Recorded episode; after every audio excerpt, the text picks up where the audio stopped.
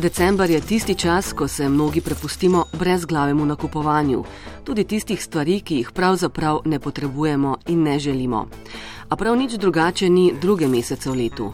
Čezmerno potrošništvo je postalo življenski slog. Kupi, kupi, kupi, zavrzi, zavrzi, zavrzi, vmes pa se nič ne sprašuj. In ker si večina to lahko privošči, večina troši. To ni nič nenavadnega. Ne? Dosti bolj uh, običajno je, da ko živimo v enem blagostanju, da nerazumno trošimo, kot da gospodarno trošimo. V resnici se je treba gospodarnega trošenja v družbi, kot je naša, kjer prevladuje vendarle eno tako blagostanje, čeprav vedno, ko to govorim, pomislim na ljudi, ki si ne morejo privoščiti iz meseca v mesec niti najosnovnejših življenjskih dobrin, ampak vsi ostali v bistvu se odgovornega trošenja moramo naučiti. Psiholog dr. Aleksandr Zadel z inštituta CAR pravi, da če pogledamo globoko v naše gene, je bil že nekoč nek ulov ali nekaj, kar smo nabrali, neposredno povezan z radostjo, zadovoljstvom in preživetjem. In ti vzgibi še vedno tičijo globoko v nas. Le da je zdaj plen izdelek na polici, ki ga oplenimo ne s ulico, ampak z denarnico. Oziroma, kot pravi Živa Kavka Gobo, predsednica Društva za sonaraven razvoj Fokus mi z denarnicami hkrati na nek način volimo.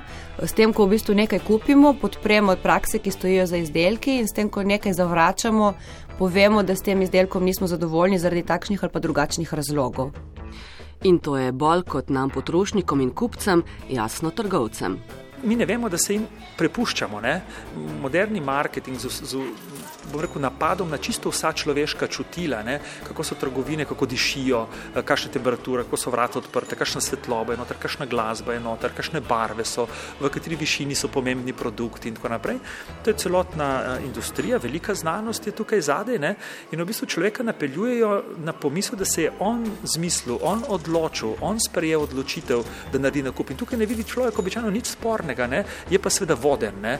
To je v bistvu en velik mentalizem. Ne? Mi gledamo televizijske oddaje, ne? ker mentalisti v bistvu pogruntajo, kaj človek je mislil, kaj bo naredil in tako naprej.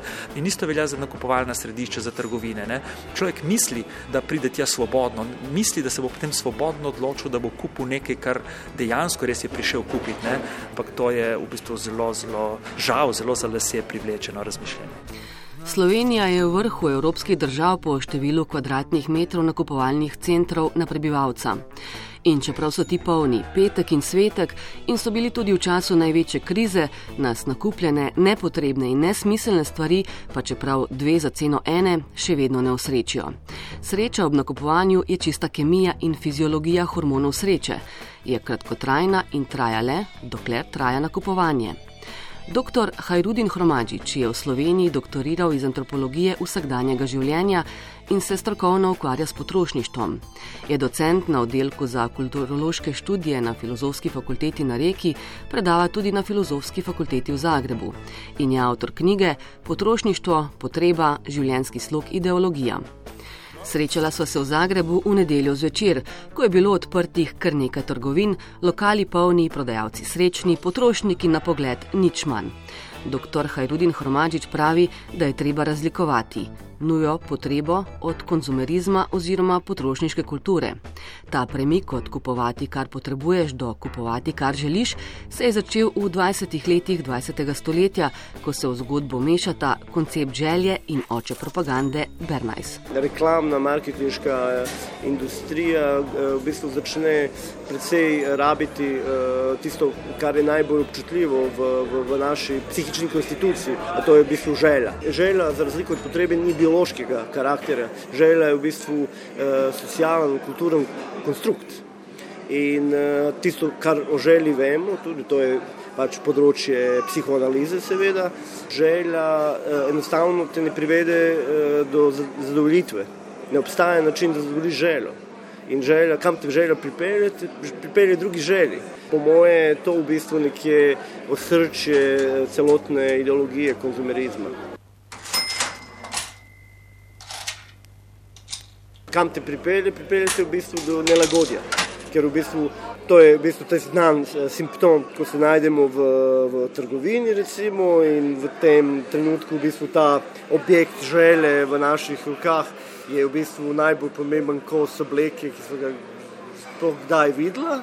In potem kaj, pridem domov in eh, naenkrat se je nekaj zgubilo vmes.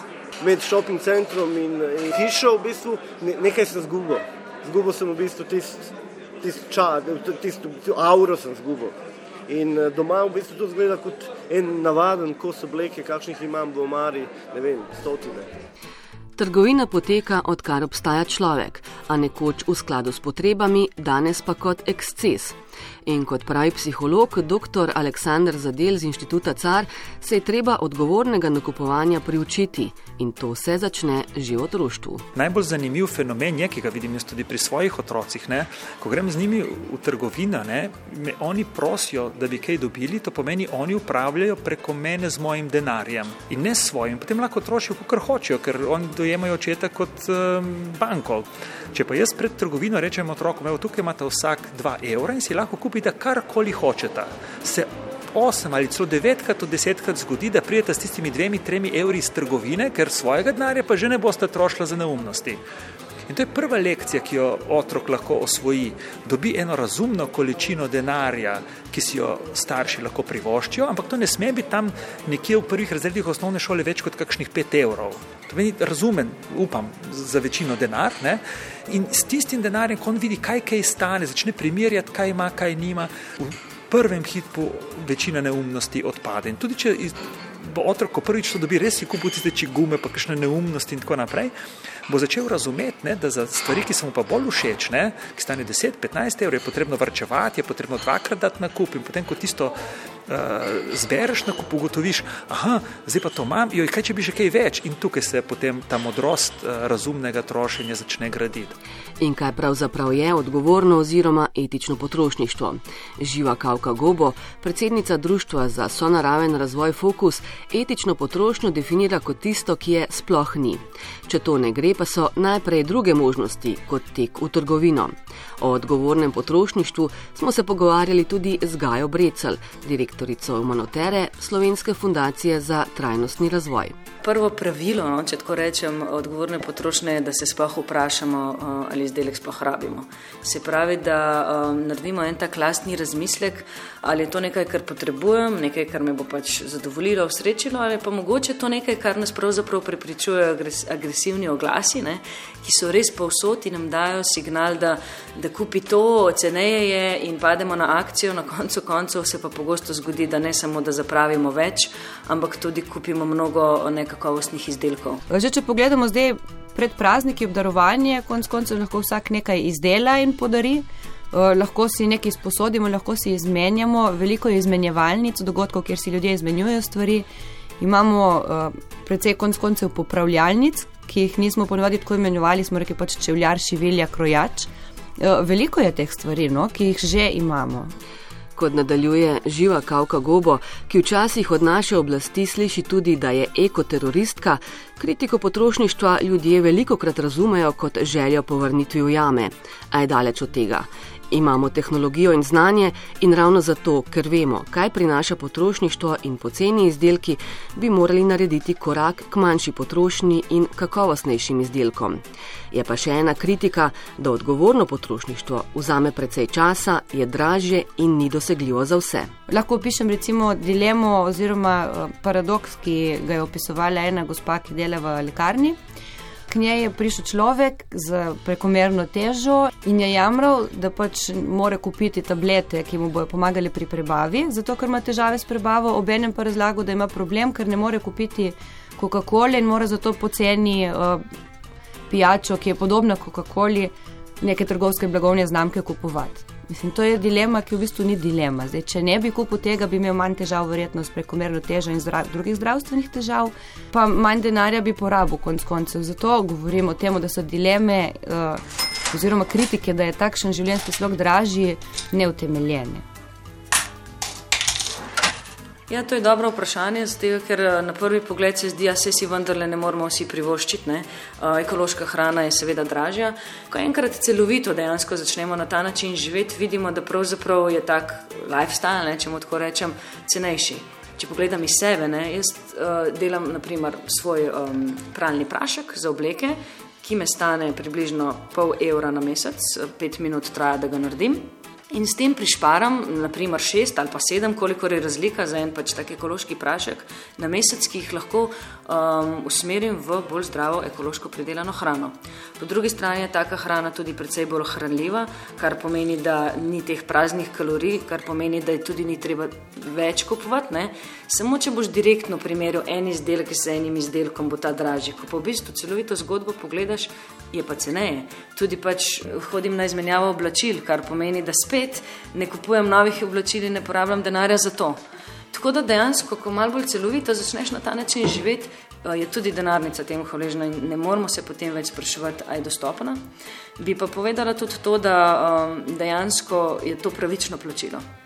Slaba hrana je prepoceni in dejansko ne dosega pač dostojnega plačila za preživetje ljudi. Ko so izdelki tako poceni, se moramo vprašati mnogo krat, kaj z njimi narobe. Če pogledamo eno majčko, ki stane 5 evrov, od teh 5 evrov približno 10 centov dobi tisti, ki je majčko naredil. Polovica gre uh, za brand, skratka za podjetje, ki v bistvu doda znamko. In kaj zdaj plačujemo v teh petih evrih? Če bi se majica podražila, če bi dobil dvojno plačilo tisti, ki je majico naredil, ali bi bili pripravljeni plačati 5 evrov pa 10 centov? Mislim, da bi bili pripravljeni. Ne? Skratka, tako banalne so včasih stvari. Zato pravim, da se je treba pač vprašati, kaj je narobe z izdelki, ki so poceni. V zadnjem poročilu nevladne organizacije za boj proti revščini Oxfam lahko preberemo, da ima en odstotek ljudi v rokah toliko bogatstva kot ves preostali svet.